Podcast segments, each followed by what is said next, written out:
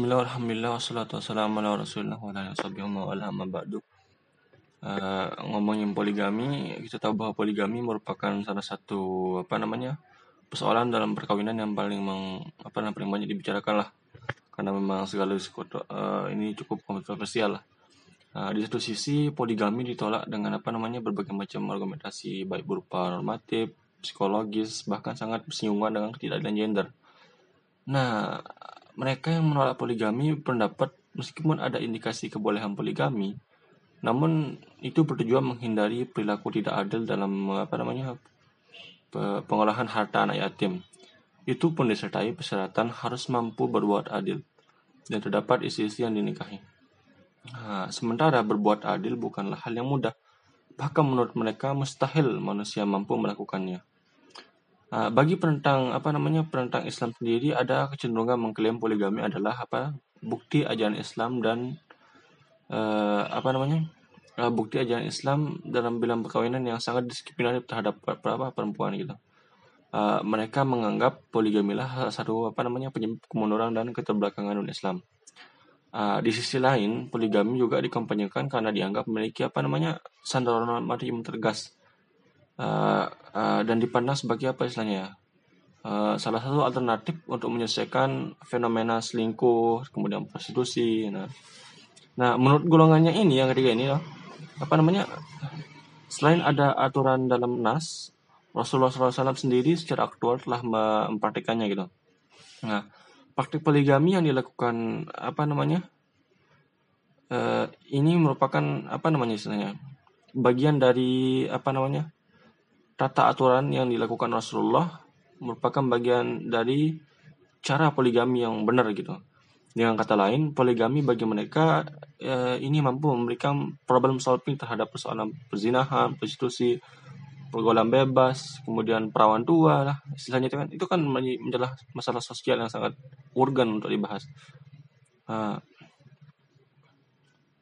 kemudian pada umumnya apa namanya untuk melanggarkan poligami kelompok yang ini mereka merumuskan uh, prakondisi yang membolehkan praktik poligami tersebut antara lain istri sakit serius kemudian istri yang mandul istri yang tidak waras istri kayak apa istilahnya yang sudah tua dan apa namanya lemah sudah sudah tidak bisa menjalankan tugas sebagai istri sehingga tidak mampu mengurus keluarga misalnya itu. Itu semua dijadikan oleh kelompok ini sebagai alasan bagaimana kenapa poligami kemudian diperbolehkan lah gitu.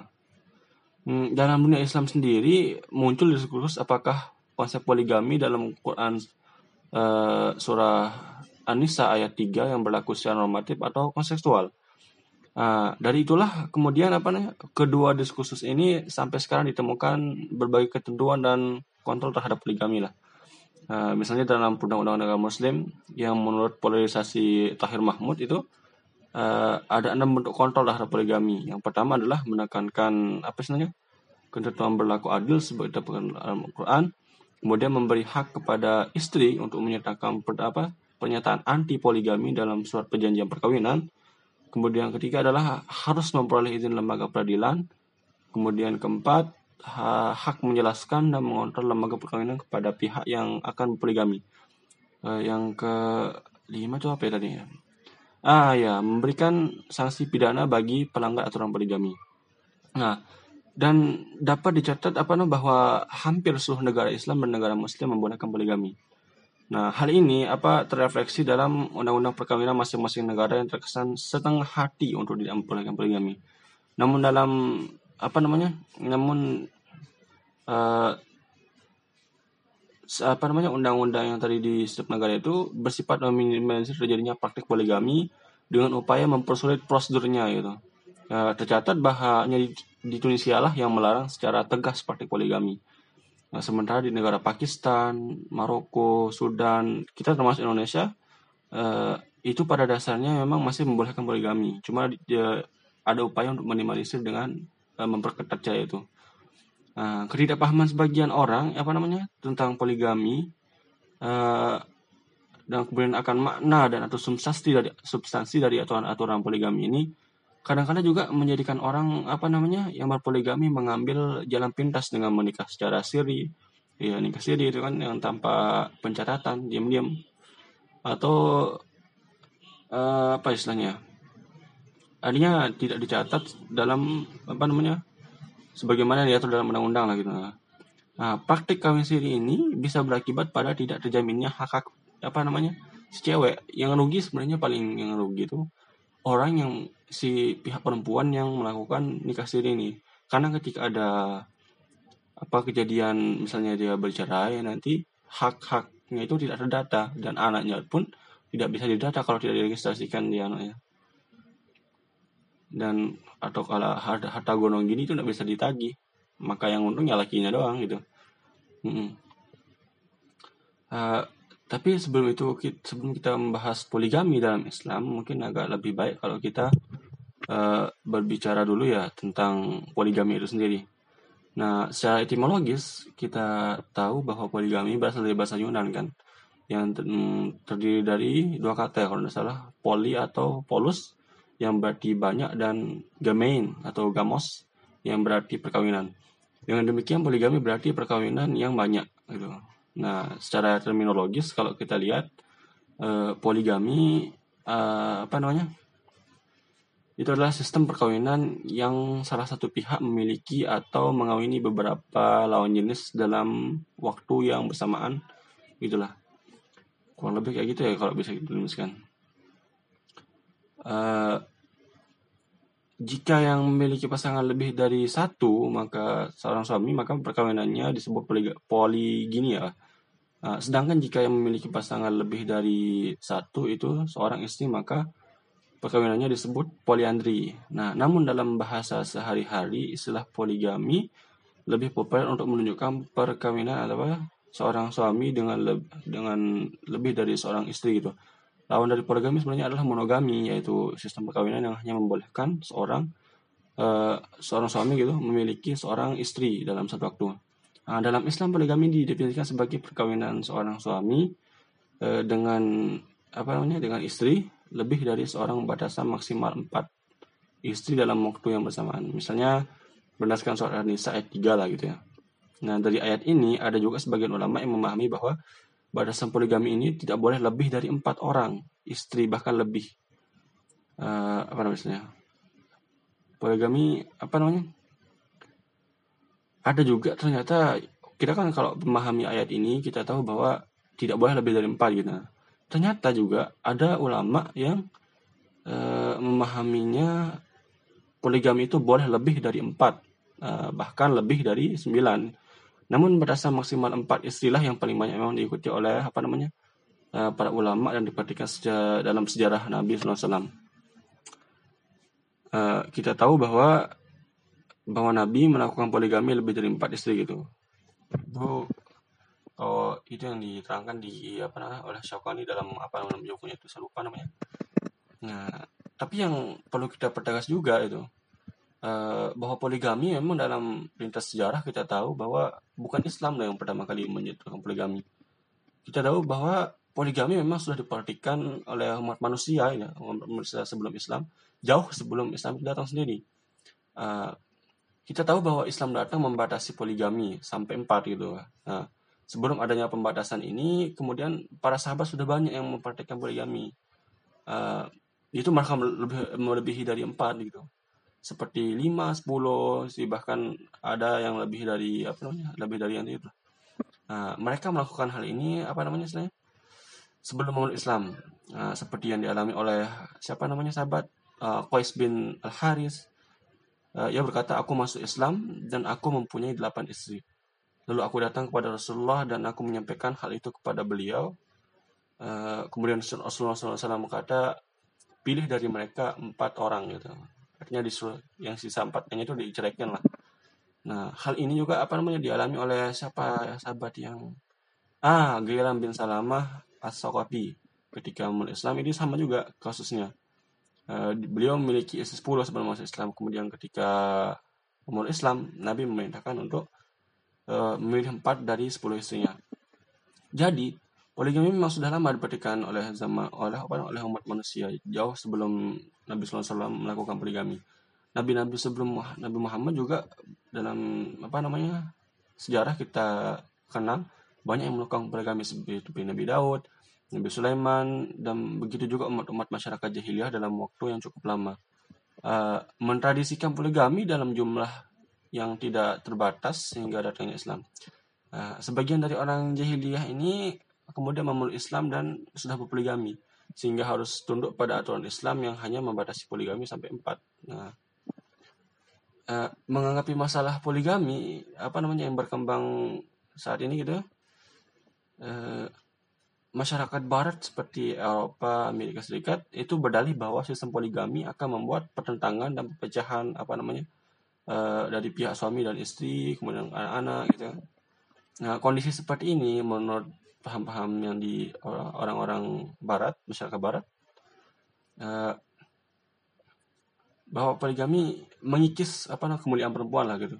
Nah, menurut mereka perempuan itu tidak dapat merasa memiliki hak dan kemuliaan jika ia masih merasa bahwa orang-orang juga memiliki hati, cinta dan kasih sayang dari suaminya gitu. Uh, seorang istri senantiasa menginginkan agar suami uh, suami yang dimilikinya itu milik satu-satunya gitu. Sebagaimana juga dalam ia berhak pada istri untuk milik satu-satunya itu yang sebagian masyarakat barat menganggap bahwa poligami itu sebagai bentuk ketidakadilan dalam Islam.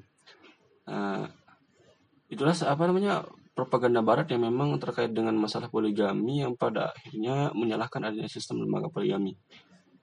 Uh, mungkin kita akan bicara uh, pandangan barat seperti ini memang apa namanya tidak lepas memang dari background agama yang dianut dari barat. Mayoritas barat kan kita tahu bahwa menganut agama Nasrani atau Katolik gitu. Uh, kita tahu bahwa di Amerika itu walaupun negaranya sekuler, tapi uh, nuansa agama itu sangat kental lah. Uh, mungkin nanti kita bisa bahas sendiri ya uh, dari pemilihan apa namanya Trump itu nuansa agamanya itu sangat kental bahkan kita tahu bahwa komplek Kristen Katolik dan Protestan di Amerika walaupun itu agamanya sekolah apa negara sekolah tapi cukup sangat terasa di sana itu. Ketika kampanye agama nah, nanti mungkin di beberapa podcast kita akan bahas itu ya. Namun yang ingin saya tekankan agama Nasrani ini menurut pengadutnya melarang poligami nah sebenarnya tidak ada satu pernyataan dalam kitab suci Injil bahwa Yesus apa namanya melarang poligami Umat Kristen pada awalnya banyak yang melakukan poligami dengan mengikuti tradisi Yahudi. Nah, dalam kitab Kristen apa namanya? jelaskan bahwa Raja Sulaiman ya, apa memiliki 100 istri, putri-putri mahkota dan 300 gundik apa istilahnya bahasanya ya. Nah, anak laki-lakinya Raja Daud memiliki 18 istri. Ini apa namanya diterangkan di kitab Injil di dalam di Tawarikh gitu ya. Nah, jumlah istri yang dimiliki Yakub. Saya susah sih sebenarnya apa yang dibilang di Injil cuma intinya di kitab-kitab Injil juga menjelaskan bagaimana bahwa dalam sejarah eh, apa namanya seperti tokoh-tokoh yang dijelaskan di dalam Injil itu memiliki melakukan praktik poligami bahkan bisa ada yang menjelaskan bahwa 300 istri ada 100 istri uh, lebih dari empat ada yang makan lebih dari empat. Dan para penganut seks Kristen Anabaptis apa namanya? Secara terang-terangan menyatakan bahwa Kristen yang sejati harus memiliki beberapa orang istri. Uh, ini diterangkan sama Jonas dan Philips nah setelah agama Kristen direvisi sejalan dengan ajaran-ajaran Paulus kita tahu bahwa konsep monogami dimasukkan ke dalam filsafat Kristen dan menyesuaikan apa namanya menyesuaikan dengan budaya Yunani dan Romawi. Nah, di zaman dahulu Yunani dan Romawi eh, apa namanya mengembangkan bentuk monogami yang berkembang dalam berbagai masyarakatnya. Eh, dan mayoritas penduduk adalah budak-budak dulu masa itu. Yang kita di apa yang bisa dimanfaatkan secara bebas. Karena itu apa namanya istilahnya? Apa yang dulu diistilahkan secara teoritis sebagai monogami sebenarnya merupakan poligami apa namanya tanpa batas gitu.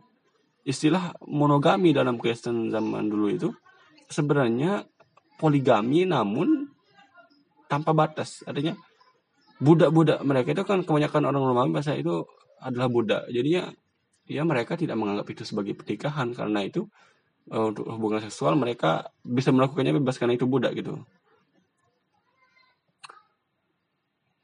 Ini yang perlu dipertegas lah bahwa memang Islam bukan pertama yang mempraktekkan poligami. Bahkan Islam datang untuk meminimalisir praktek poligami itu sendiri pada peranunya apa namanya pada perkembangannya gitu kita lihat. Uh, tapi kita tahu juga bahwa hingga sekarang agama Kristen melarang pengurusnya untuk melakukan poligami ya. Nah, larangan poligami ini juga diterapkan dalam ketentuan undang-undang yang diberlakukan di negara barat seperti undang-undang hukum perdata, uh, saya lupa catatnya itu pasal berapa. Tapi emang di, di, di secara terang gitu melarang poligami.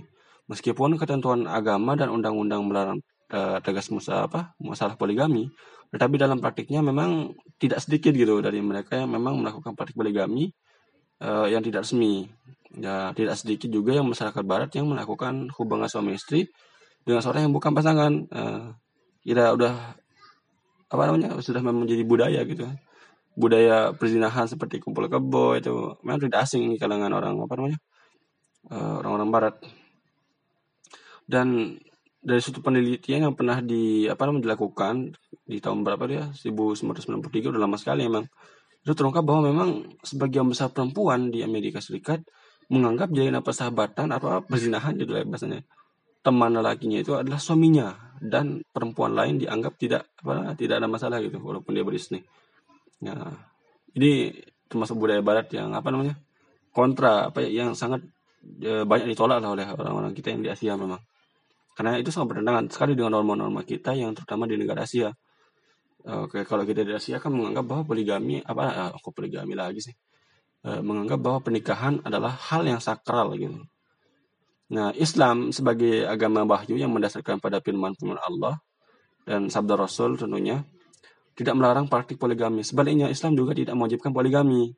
Uh, hanya Islam hanya membolehkan gitu. Seperti bahwa Islam hanya membolehkan poligami dan itu dijadikan sebagai alternatif. Nah, para ulama juga membolehkan poligami dengan persyaratan tertentu begitu. Tidak muluk-muluk kemudian boleh poligami gitu enggak. Punya syarat sendiri kita untuk poligami itu.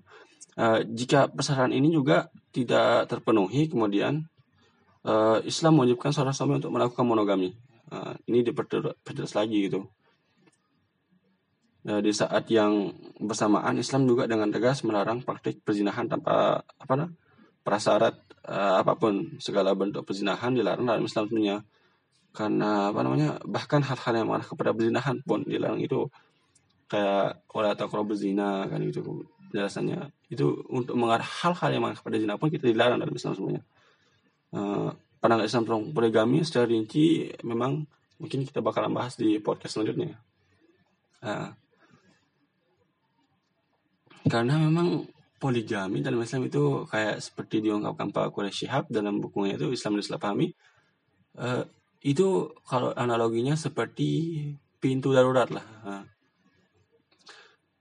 Dan pintu pintu dalam pesawat yang kemudian tidak semua orang bisa boleh membukanya gitu. Kalau emang perlu sekali dibuka itu adalah solusi terakhir lah begitu. Nah, dan mengenai apa namanya daya-daya poligami yang sering digunakan oleh kaum yang memang sangat mendorong poligami menganjurkan bahkan mengklaim bahwa poligami adalah sunnah rasul gitu. Itu biasanya kan paling umum yang sering dipakai itu surat An-Nisa ayat 3 ya yang wa in hibtum alla tuksitu fil yatama fankihu ma tabalakum minan nisa'i masna wa sulatsa wa tapi dalam tafsir Al-Misbah, Syahab menjelaskan bahwa ini ayat ini ketika ini membicarakan tentang anak yatim. Ketika kita ingin apa namanya menikahi anak yatim secara aniaya maka nikahilah dia si apa perempuan itu dua tiga atau empat gitu. Nah uh, perintah ini kalau analogi sederhananya begini loh.